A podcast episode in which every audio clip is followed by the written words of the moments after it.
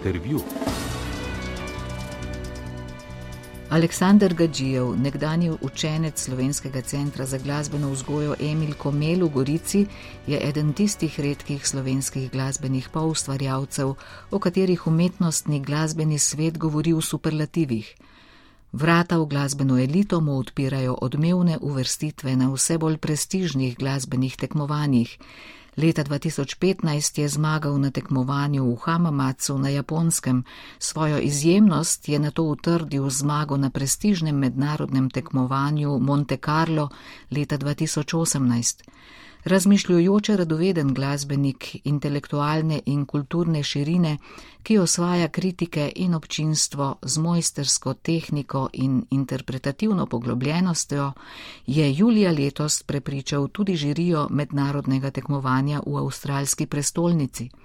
Na tekmovanje, ki je potekalo prek spleta, se je prijavilo na stotine pianistov, v finalu pa jih je zaigralo le 32. Absolutni zmagovalec tekmovanja je postal 26-letni goriški mojster črno-belih tipk, ki pa mu je žirija podelila še šest posebnih nagrad. Kmalo zatem je sledila uvrstitev na slovito mednarodno pianistično tekmovanje v Varšavi, ki je v celoti posvečeno delom enega samega skladatelja, to je Frederika Chopina. Na to tekmovanje se je prijavilo 500 pianistov, na pretekmovanju jih je žirija izbrala 151 in med njimi je bil Aleksandr Gačijev.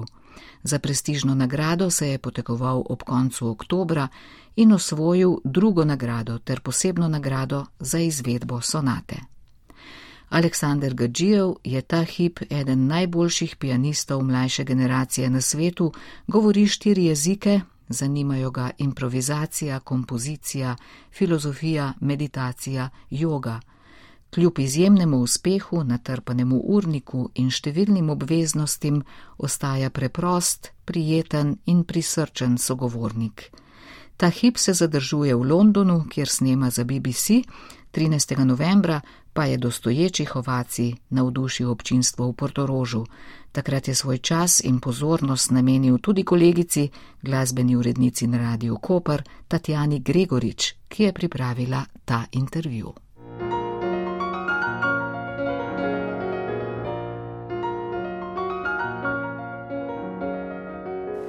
Konec oktobra je s svojimi interpretacijami sklad Frederika Chopina prepričal 17-člansko žirijo na Chopinovem tekmovanju v Varšavi.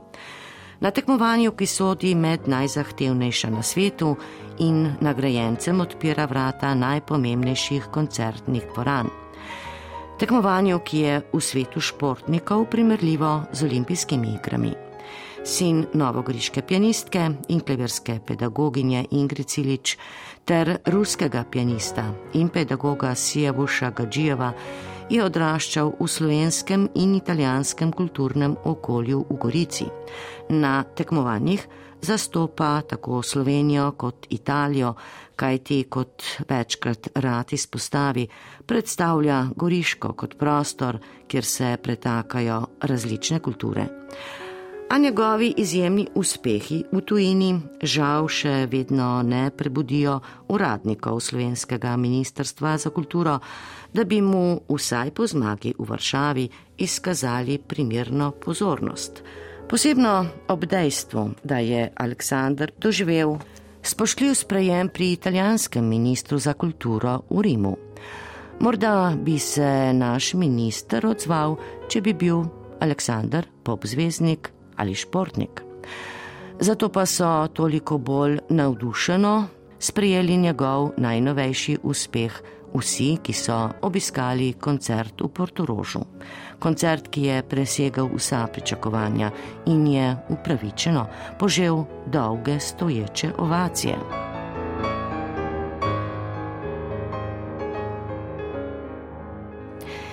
In kako se je njegovo življenje spremenilo po tem slovitem tekmovanju? Uh, Spremenilo se je precej radikalno. Nisem imel skoraj nobenega dneva, ne skoraj, nisem imel absolutno nobenega dneva počitka. Po, po zmagi smo imeli takoj tri uh, koncerte nagrajencev. Istočasno so mi začeli pisati, uh, seveda, zelo dosti fanov, pa razno raznih uh, ljudi iz Slovenije, iz Italije, iz Evrope, iz Japonske, iz Avstralije, iz Francije, iz celega sveta. Skratka, nasplošno meni je precej všeč tudi odgovarjati publiki, ker uh, mislim, da ima vseeno neko vrednost si uspel v tem času vsega tega dogajanja in te pozornosti odgovoriti vsem? Ja, verjetno ne ravno vsem, ampak eh, sem si skušal vzeti nek, nek čas, tudi, da, da, bi to, da bi to storil. In uh, potem, poleg tega, seveda, ne samo uh, širša publika, ampak zelo dosti kontaktov z menedžerji, pa z uh, producentami, z orkestri, razne etikete ne, firme. Tako da eh, je bilo precej naporno, tudi je treba biti sposoben v tem trenutku presoditi, ja, soglasice, ampak tudi razumeti, kaj ima resnično prioriteto na začetku. Uh, ker vsega naenkrat je nemogoče, nemogoče narediti, in um, treba tudi znati reči, da ne. Treba je tudi, seveda, zelo dobro planirati naslednje mesece in naslednje leto, ki bo zelo napolnjeno z dogodki, eh, s koncertami. Igral bom, mislim, šest ali sedem različnih klavirskih koncertov. Chopina, oba, Rahmanjinova, tretji, Prokofjeva, Bramsa, Šumana. To bo na japonskem z orkestrom NHK, to je ena najbolj pomembnih japonskih orkestrov, orkester radia in televizije v Tokiu. To bo prvi, bodi si prvi kot drugi koncert Chopina, ne v istem večeru, ampak vsekakor. Um, potem bo v Avstraliji koncert Schumana, to bo imel dolgo turnejo oktobra in novembra, skoraj dva meseca, leta 2022. Uh, v Italiji bom igral z orkestrom Raja v Torinu in že se menimo tudi z orkestrom RTV-ja, da bi spet sodelovali skupaj. Nismo se še odločili za za repertoar, ampak imamo še čas. Seveda v Angliji tudi z BBC-jevskimi orkestri. Igral bom čez nekaj tednov koncert Respigija v Amolu. To bo v Londonu prvo in potem pa še v St. Petersburgu z maestrom Valerijem Gergijevim in uh, Marinskim teatrom. Orkester Marinskega teatra, in um, potem pa še koncert Skrijabina, spet z BBC-jevskim Concert Orchestra, spet v Londonu. Potem, seveda, bo dosti tudi solističnih koncertov in um, različnih festivalov, tudi poletnih, kjer bom igral z velikim veseljem tudi komorno glasbo, kvintete, due. No, ampak hkrati imaš ti še turneje in koncerte za prejšnje nagrade, za Sydney, ja. mogoče še za Hamamacu, kakšno obveznost, oziroma obveznost, kakšen koncert. Ja, oziroma Havamas je že resnično bil kar precej let nazaj, ne šest let nazaj, ni nič več direktnega uh, ostalo od tekmovanja, ampak seveda odnos z, uh, z japonsko publiko je. Je vedno močnejši, nekako. Predvsem zdaj po tej, po tej zmagi v Varšavi, ker um, na japonskem se resnično ne samo na japonskem, ampak resnično predvsem na japonskem se šteje to tekmovanje kot najbolj pomembno. Šopenovo uh, tekmovanje. tekmovanje. Šopenovo. In um, tudi, tudi vidim neke, neke podobnosti med, um, med Šopenovim tekmovanjem in Hamamatsu. In tekmovanjem v Hamamatsu, ker um, uh, nekako si predstavljam, da so vzeli kot model. So vzeli kot model uh, varšavsko tekmovanje, tudi na japonskem organi glede organizacije, glede strukture tekmovanja, uh, že samo ko se žirija spusti na koncu za, za rezultate iz teh lestvic. Ja.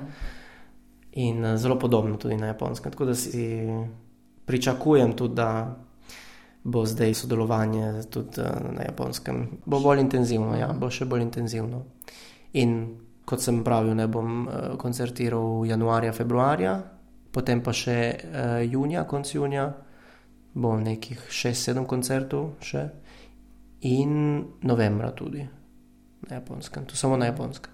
In potem je še tekmovanje Sydney. Potem je še tekmovanje Sydney, ki mi je seveda odprlo veliko drugih vrat.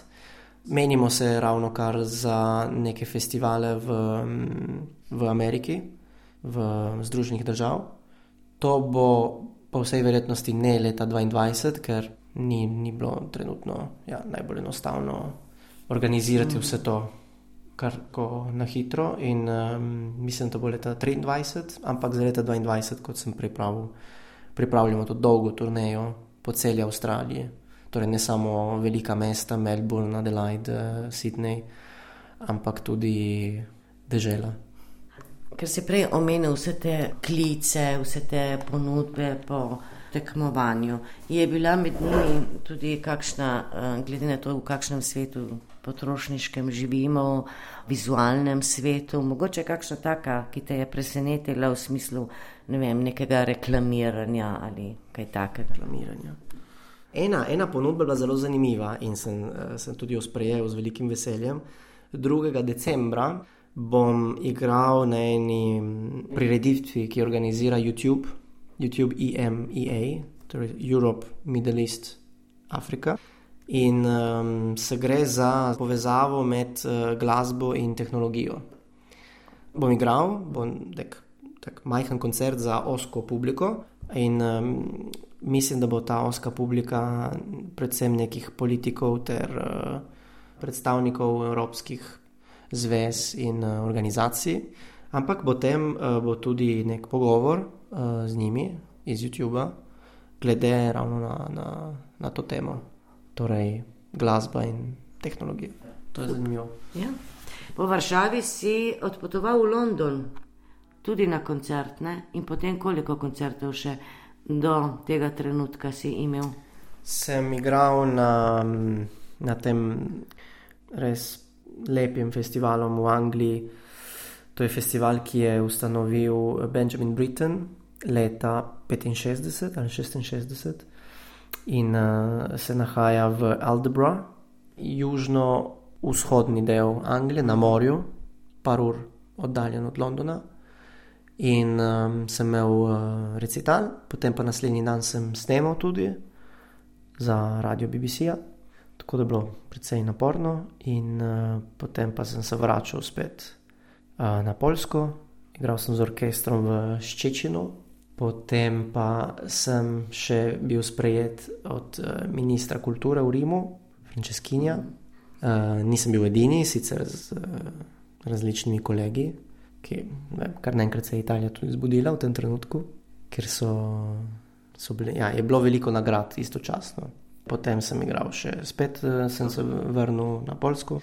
Sem imel recitalno Bitgošču, potem pa v Olštinu ob prisotnosti predsednika države. Polske, ker je bila obletnica te filharmonije, in potem naslednji dan pa Portugalsko.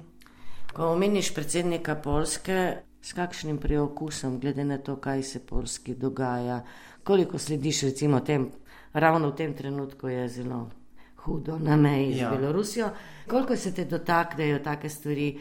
Vemo, kaj se dogaja sicer na Polski. Ja. Po eni strani to šopenovo tekmovanje, prestižno in resnično vredno vsega občudovanja. Koliko se te dotaknejo kot eh, pianista, ki je bil tam tri tedne, recimo, take stvari? Zapovedati po pravici, predvsem čas tekmovanja je bil en čas izven časa.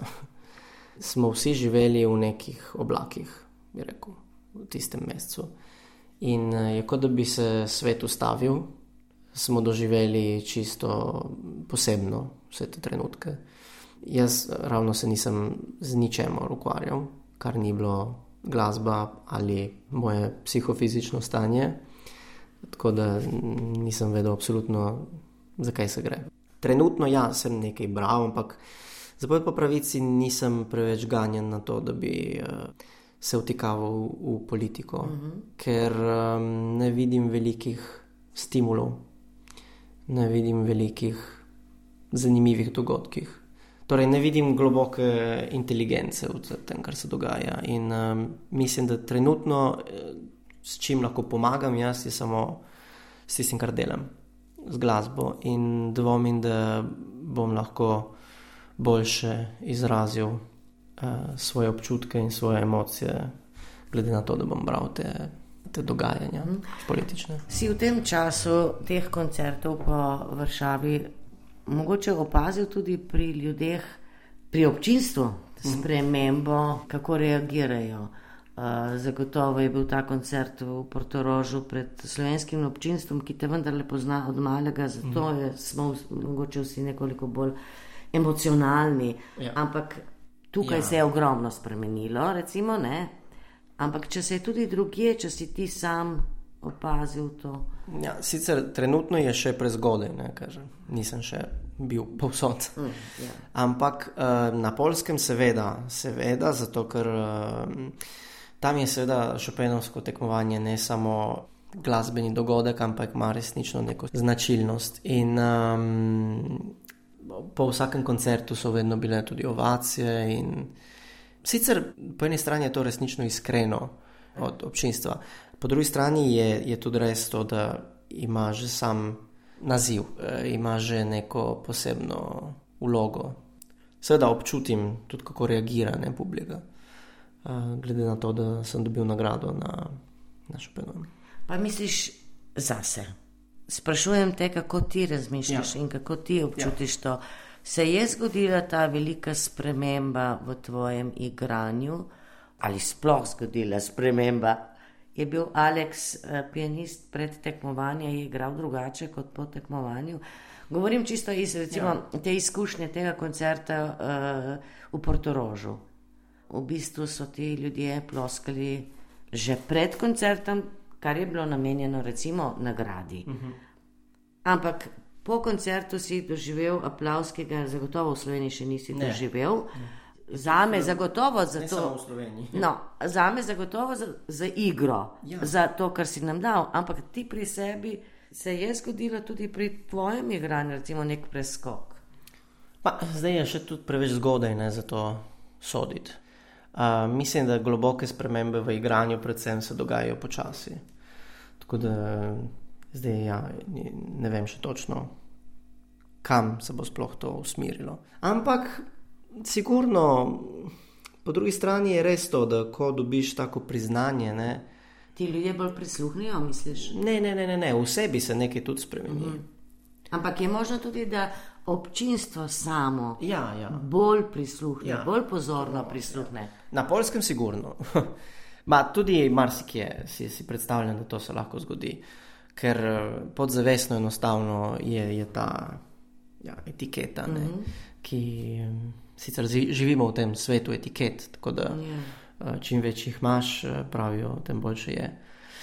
Glede na mojo izkušnjo, lahko rečem, da se je to zgodilo nekako. Sem. Ampak mislim, da tudi nekaj v meni se je začelo tudi spremenjati. Tudi zato, ker seveda sem delal na tem 20 let. Da, uh, mislim, da tudi ne bom 22.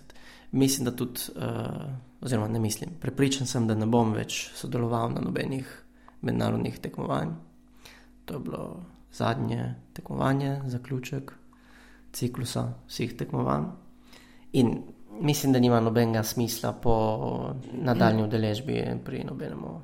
Aleks, nisem edina, ki sem recimo sledila vsem etapam na šopenovem tekmovanju. Pa sem si noči doživela en velik preskok. Bil si veliko bolj osvobojen.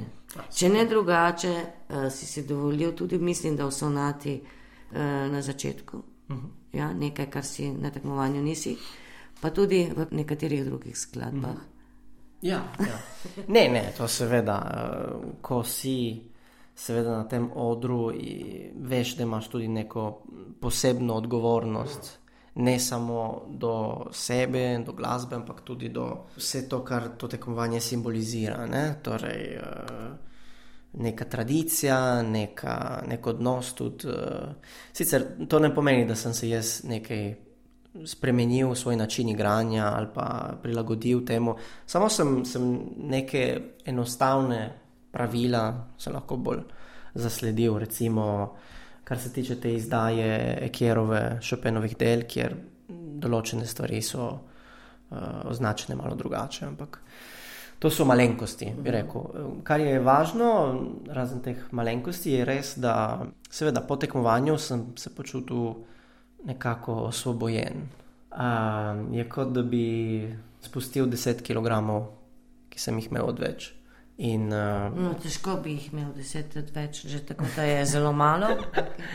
ja, ampak um, sem hotel povedati to, da na tekmovanju, kar se je zgodilo, posebnega, bi rekel. Veš kaj, tu lahko opišem z neko metaforo. Je kot da bi, je kot da bi jahal nek val. Kaj to pomeni? Pomeni, da v tistem trenutku občutiš seveda veliko, veliko napora, ne? velik pritisk.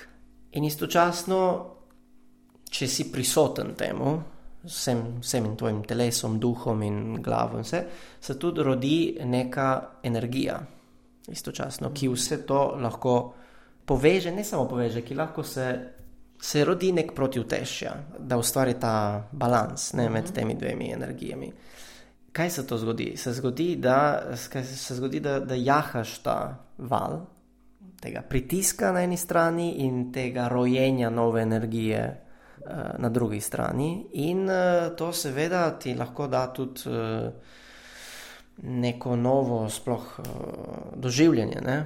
glasbe, neko, neko novo, resnično energijo, kar je potem težko ponoviti kasneje. Kar se lahko po drugi strani zgodi kasneje, po tekmovanju, je ta totalno nov občutek svobode, ki ga imaš, ki je to, kar mislim, ste in smo uh, doživeli v Portorožu. Ampak kar sem doživel brezdvomno v Varšavi, je, je bilo to nasprotje teh dveh mhm. energij, ki so se nekako združile potem na koncu. In zaradi tega mislim tudi predvsem na tretji etapi, ko sem igral sonato, je to prišlo res do izraza. In uh, mislim, da je pustilo zelo močen pečat. Mislim, da je ta nagrada eh, veliko bolj pomembna kot vse ostale, uh mhm. -huh. dosedanje nagrade, mogoče celo. Ja, ja, brez doma. Lahko tudi si ogledate posnetek, kjer uh, skačemo od veselja, od veselja ja, po objavi teh uh, rezultatov. Ja, res je, posebno, ker prihaja iz čistih rok Kristjana Cimermana, ki me je po koncertu tudi poklical in smo imeli kratek pogovor.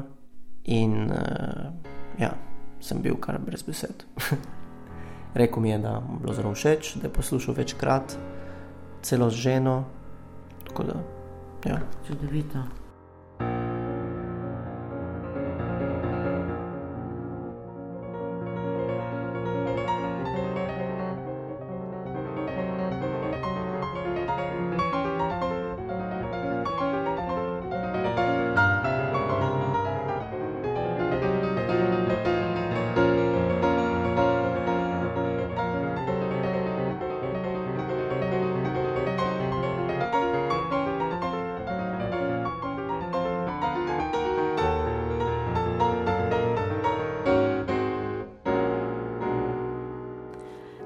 Drugi nagradi in posebni za izvedbo Chopinove sonate je Aleksandr prijel tudi posebno tako imenovano fake prize za prav poseben crescendo v sonati. Nagrado s precej hecnim prizvokom, ki jo je udeležencem tekmovanja podelil Jed ja. Distler in mi je dal nagrado to za najbolj strahovitega krešenda na celem tekmovanju. Mm -hmm. In mislim, da je imel prav, ker je res bil taki zelo mogočen trenutek in se ga še tudi spomnim. To je absolutno v smešni konotaciji in ja, tako smo se vsi posmejali. Aleksandr, glede na to, da imaš toliko koncertov in da toliko potuješ v tem precej čudnem, neprijaznem času in opazuješ te spremembe, ki so vem, na Polskem, v Nemčiji in drugje. Na Japonskem. Kako se znajdeš v tem kaosu? Uh -huh. um, imam neko pravilo, bi rekel, ki ni njena pravilo, pravilo je bolj ena, ena norma, nekaj, uh -huh. s katero upravljam vse te situacije, s temi situacijami.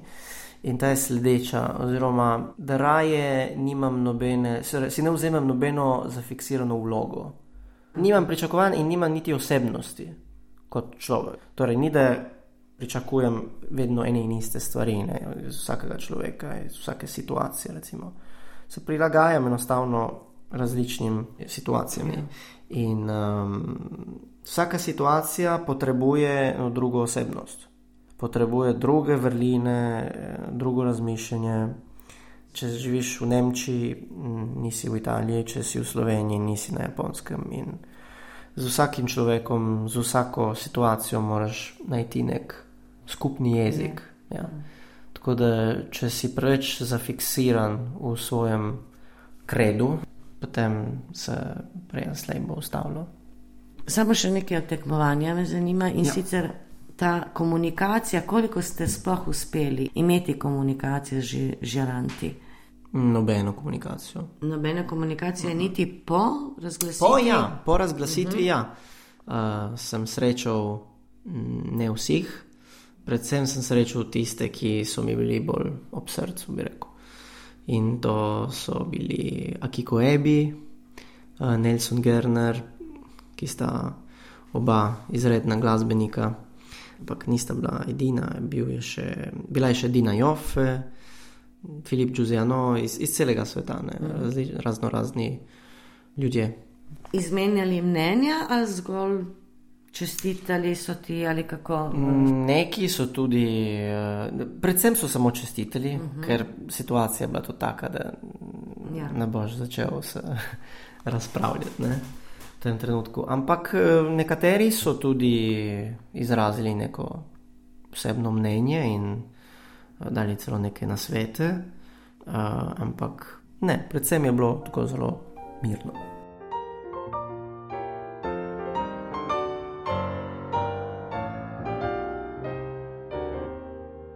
Aleks, tokrat je žirija podelila 12 nagrad, običajno pa jih samo 11, mogoče veš, zakaj ni prvič v zgodovini, oziroma lahko je prvič v zgodovini Šopenovega tekmovanja, ja. ampak sem že, sem že imel izkušnjo tega na drugih tekmovanjih, tako da mm, nisem bil preveč presenečen. Mhm. -huh. Po drugi strani sem bil enostavno vesel in mislim, da smo vsi bili veseli, ker enostavno več ljudi je imelo možnost se spet. Preverjati in, in tudi pokazati, pokazati, pokazati ja. publiki, in eh, ja, enostavno pokazati, kar ima za, mhm. -huh. za povedati. Uh -huh. Tako da mislim, da je bilo res lepo, da nas je bilo 12, ne samo 10. Zakaj si izbral Šigaru?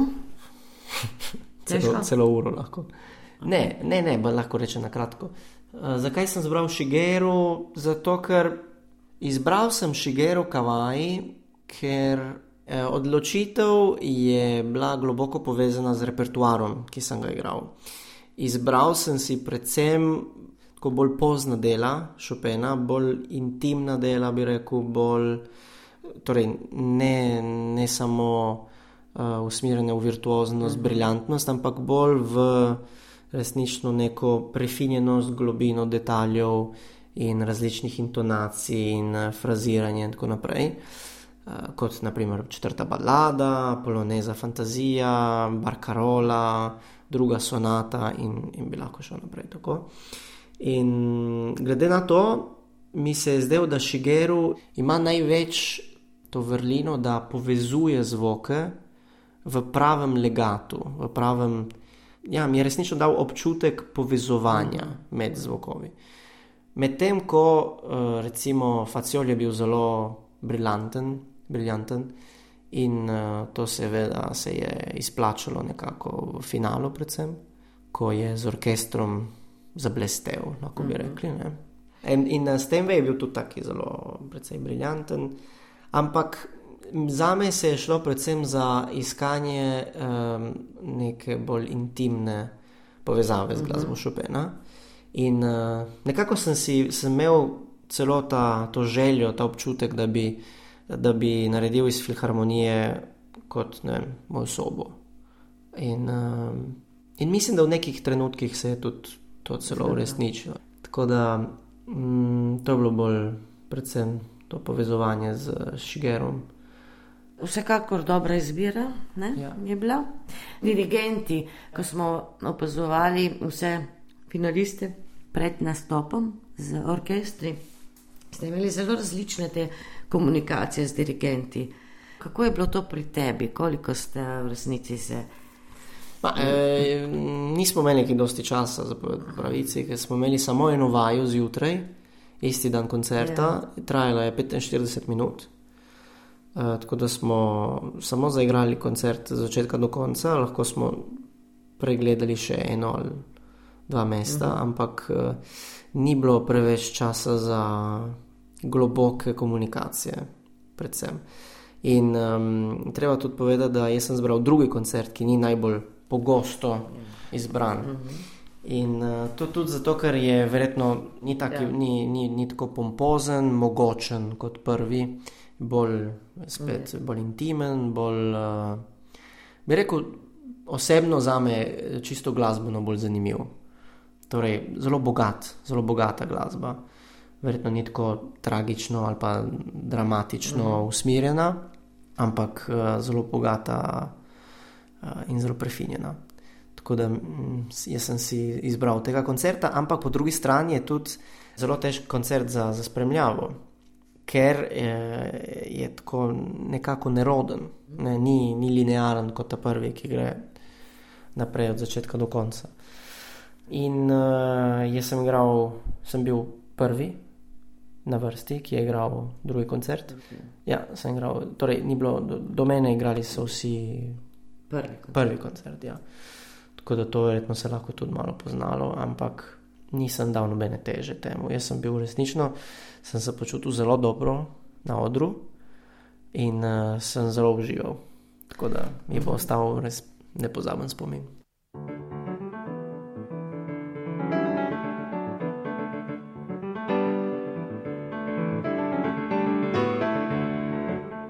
In še za nekaj minut ostajamo v Varšavi na Šopenovem tekmovanju, ker je Aleksandr preživel mesec dni.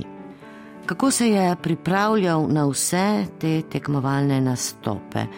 Je imel pri tem kakšen poseben, mogoče celo obred? Je, je, je zelo zanimivo, ker vsakič delam nekaj drugega. Ampak imaš še poseben ja, obred, recimo? Nimam, to je to, da nimam nekega rednega, stalnega, posebnega obreda. Nekaj se vedno dogaja, nekaj podobnega, bi rekel. Torej, mi je všeč biti v tišini in v temi. Mi je všeč tema, ker uh, ja, se, se odpočije cel sistem, mhm. cel sistem se mi odpočije nekako. Oči se odpočijejo, šesa, roke, vse. Ampak tam ni bilo teme. Je bilo, je bilo teme, ker ja. sem lahko sem se zaprl v, v, v umetniško sobo, sobo in ja, sem izklopil luč in hmm. lahko sem se pripravil tako. Sicer nisem to storil vsakič, ampak nisem molil, ampak iskal sem eh, neko globoko, neke globoke vrste koncentracije. In mislim, predvsem pred tretjim turom sem jo res našel. Da, ja, taka v točko sem padel. Mm -hmm. In um, a, delam tudi, tudi delam neke vaje za, za sproščanje, neke tako preproste jogovske vaje, bi lahko rekel. Pa sicer delaš res jogo? Mm -hmm. Mm. Ja, ja, tudi danes sem imel. Sam. Ne, Sam? ne, ne. Imam, imam pedagoga po um, internetu, po spletu iz uh, Sankt Petersburga sem ga našel čez, enega, čez eno prijateljico in uh, mi se je zdelo enostavno super, in tako da smo nadaljevali. To se je začelo pol leta nazaj. Kaj pa meditacija? Tudi. Tudi, tudi. razne vrste, sicer nisem ekspert, ampak mi se seveda pomaga tudi, kar se tiče iskanja koncentracije, brez dvoma. Ampak tudi ta beseda ne, na, na zapadim in ne vemo, niti zakaj se gre. Kadar govorimo besedo meditacija, vsak meni se, nekaj drugega. Vsak si po svoje razlaga. Pa si in... ti bil dovolj časa, recimo na japonskem, da si mogoče prišel bliže temu? Ne, ker tam, uh, tam se dogaja na čisto zapadizacija, ne, ko bi rekel to, westernization. V bistvu, kar se dogaja, je ne, globoka ja. vrsta amerikanizacije. In um, ravno se kar spomnim, ko sem se pogovarjal o tej tematiki z mojo menedžerko zadnjič, ko sem bil v Tokiu. In uh, sem jo spraševal razno razne stvari o religiji, uh, o budizmu, o šinto, ki je njihova animistična ne, religija. In zapoved po pravici ni, ni kaj dosti vedela. Torej, mi ni znala odgovoriti na množico vprašanj. Tako da, uh, ne samo od tega, sem imel že več, večkrat take, take primere in sem razumel, sem sklepal, da predvsem v velikih mestih tega, ja, se, se ne, je, je, je, je komplicirano, ampak se ne zavedajo tega. Se ne zavedajo tega, ampak tudi če personificirajo to. Ja. Ker vseeno so zelo mirni ljudje, ja. lahko zelo čisto glavo bi rekel. Uh -huh. Ampak eh, se ne zavejo, iz kje to izhaja. In, in lahko tudi oni nekako, tudi, uh, ne vem, to imam jaz, seveda, to je moj občutek, nisem jaz zdaj uh -huh. naredil nobene raziskave. Ampak imam občutek, da sami ne vejo, da v resnici vse čas meditirajo nekako. Recimo, je neka neverjetna tišina v metrojih, in ljudje resnično, lahko tudi zaspijo dve minuti, recimo, iz ene postaje v drugo. In to tudi že, mislim, govori o tem, da je. Da je to njihov način življenja način in bivanja. Ja. Ampak kako pa ti potem, ko priješ v Berlin, doživiš to kaotičnost? Zvoka in ja. vsega ostalega? Ma, odvisno tudi, tudi v Berlinu ni, ni ves, ni, ni, ni ves uh, isti. Ne? Jaz živim v Prenzlauerbergu in to je precej miren del mesta. Dosti parkov je, dosti mladih parov z otroci. Tako da ne, ne doživljam preveč tega kaotičnega dela. In uh, se tudi ravno kar izogibam, če lahko.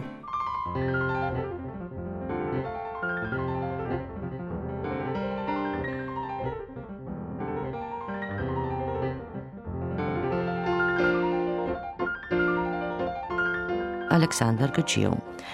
Prvi slovenski pianist, ki je osvojil dve prestižni nagradi na slovitem Šopenovem tekmovanju v Varšavi je s svojimi interpretacijami povsem očaral tudi občinstvo v auditoriju Portorož, kjer je v okviru 20 klavirskih dni Epta imel tudi prvi koncert v Sloveniji po Varšavi.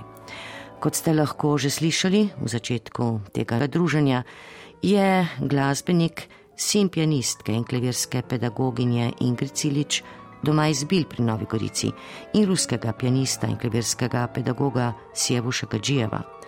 V otroštvu in mladosti je živel v slovenskem in italijanskem okolju. Na to je nadaljeval študij na Mozarteumu v Salzburgu.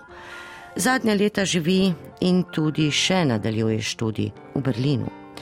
Aktivno govori štiri jezike, o katerem pa razmišlja, o katerem se najraje izraža najlažje in najbolj tako, bogato se izražam v italijanščini, ker sem se učil v Stari Gorici in predvsem tudi berem v italijanščini.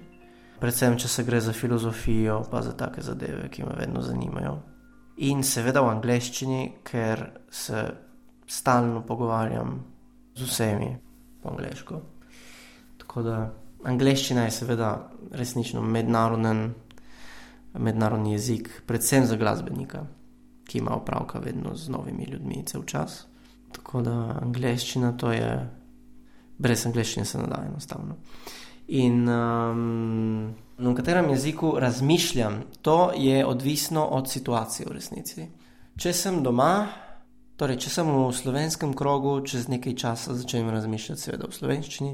Če sem uh, v Berlinu, Če slišim dosti nemščine, začnem razmišljati tudi lahko v nemščini. Pogosto razmišljam tudi v ruščini. Zanimivo, ne? ampak ja. recimo uh, v ruskem, v ruskem ja. okolju, razen doma z mhm. očetom, ne, nisi, nisi ne? pa ja. se zgodi, da vseeno razmišljaš v ruščini. Mm, nisem, ampak sem, ker je dosti glasbenikov, Rusi so povsod. Vse povsod in uh, v Berlinu jih je vedno, vedno več. In tudi imam dosti prijateljev, ki sem si tako naredil med, med leti. Kaj pa če recimo si zapisuješ, če imaš neke prebliske, ki jih moraš zapisati, čeprav je to najbrž pri vas, eh, če dalje manj, ne? da si pišete? Ja, ne, ne, si pišem precej pogosto. Tako je, ja, stvari na telefonu imam. Ideje, kako bi rekel, anotacioni, zabeležke, Zabeležke. zapiske. Um, In takrat pišeš takrat? tudi glede na okolje ali kako? ne, ne, ne, pišem predvsem v angleščini. Pišem predvsem v angleščini in tudi v italijanščini. Ja. Ja. Redko v nemščini in v slovenščini, bolj redko. Tudi. In katero knjigo filozofsko imaš trenutno ob sebi? Trenutno imam eno knjigo enega, sicer uh, to se temu reče, malo komplicirano bo zazvenelo, fenomenološkega psihoterapeuta. Torej, to je filozofija, psihologija povezana, um, imenuje se Giovanni Stangelini in knjiga se imenuje L'amore che cura, ljubezen, ki zdravi, se imenuje. To je knjiga tega Giovannija Stangelinija, uh, fenomenološki psihoterapeut in filozof. Vrnimo se še za nekaj minut v Varšavo med tekmovalce. Mnogi smo namreč imeli občutek, da ste se zelo dobro razumeli, da ste se povezali, celo zabavali, da med vami ni bilo nikakršne napetosti, ki sicer spremlja taka tekmovanja. Res eh, sem se spoprijateljil z mnogimi eh, kandidatami, predvsem z Kjohejem Sorito, s katerim Ste si delila potem smo si delili celo to nagrado. Ja. Spoznal sem dosti ljudi, Leonora Armelini. Mm -hmm. Je preskočila kakšna iskrica z Armelinijevo? Ona, ona je že um, se udeležila 11 let od tega. In je bila, mislim, je dobila nagrado za najboljšo uh, polufinalistko. Torej, ni bila v finalu, Ja. ja. ampak je dobila neke nagrade Ja. ja. in so jo zelo uh, Opazili. opazili Ja. in uh, publika jo je zelo ljubila. Ampak tokrat je bila zelo napeta, ker je bilo dejansko zadnje tekmovanje njeno. In uh, seveda je imelo tudi neko posebno simboliko, ne? ker je že se udeležila 11 let nazaj. Tako da jaz sem jo praktično miru cel čas. Si jo miru, si jo mehčal. Sem jo malo. omehčal, ona je bila vse taka, predvsem pred igranjem. Rekel, potem smo si izmislili eno igro, ki ona tako dosti govori, ne moreš verjeti. Allora sem si izmislil igro tišine. Gioco del silenzio. Ja, ja. Vsake toliko sem rekel, no, zdaj mi igramo igro tišine. Pa ste se družili? Ma ja, smo se videli, smo bili vsi v istem hotelu, udeleženci v istem Istem. hotelu. Ja, ja, ne bil velikanski hotel, no hotel. Smo se videli vsak dan, zajtrk. Ampak vi ste, vi ste živeli v Mahurčku, ne tam. Ja, ja, absolutno. Čisto v drugem svetu. En mesec brez časa. Ob koncu najnega druženja sem ga povprašala še o knjigah, o partiturah, ki bi jih vzel sabo na samotni otok. Uh, bi vzel verjetno najstarejšo knjigo, ki obstaja na Zemlji. Katerakoli je, najstarejša, ne vem, kakšna je. Uh, verjetno kakšna indijska stvar. Partituro bi vzel ali Baha ali mm, neke, neko renesanso. Ali, verjetno bi vzel, ne vem, Palestrino, neke motete, neke take zadeve, bolj renesančne. In zakaj bi imel taki zbor starih stvari? ker uh, mislim, da čim bolj greš nazaj uh, s časom, uh, tem več se približaš neki čistosti tudi mišljenja in uh, občutenja. Bi se, bi se odločil za to, verjetno. Katero glasbo pa bi izbral in jo vzel s sabo? Allora, Wagner, uh, preludi Parsifal. Preludi iz Parsifala, to brez dvoma. To se vsakič jočem. Jokaš ti? Ko poslušaš Wagnerja, ne moreš se najokati. Um, ki odkrije ne, neke rane, ki nisi vedel, da imaš. In to vsakeč znova, ko poslušaš, tudi jokaš lahko. Ja, ja, ja. S parsifalom to ne izbegneš. Um, ta druga bo, ja, že ko smo govorili o renesansi, Gesualdo. Gesualdo, neki moteti, različni, peta knjiga ali šesta. Ja, potem lahko najdemo o smrti, vsekakor. Tako Aleksandr Gađejev, trenutno eden izmed najuspešnejših pianistov na svetu.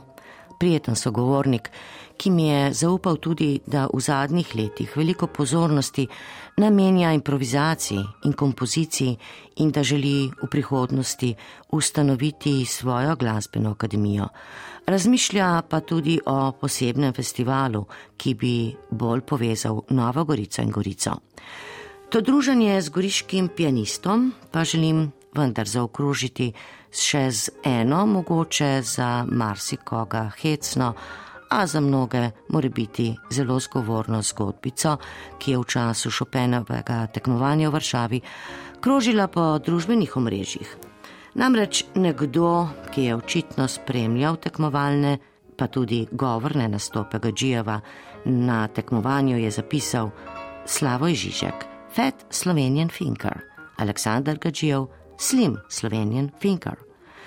Griški pianist sicer na svoji spletni strani navaja, da je ljubitelj zvoka in prosti mislec. Sama pa dodajam, da je predvsem notranje lep človek. In zagotovo boste lahko to začutili tudi vsi, ki mu boste kdaj prisluhnili na njegovih koncertih.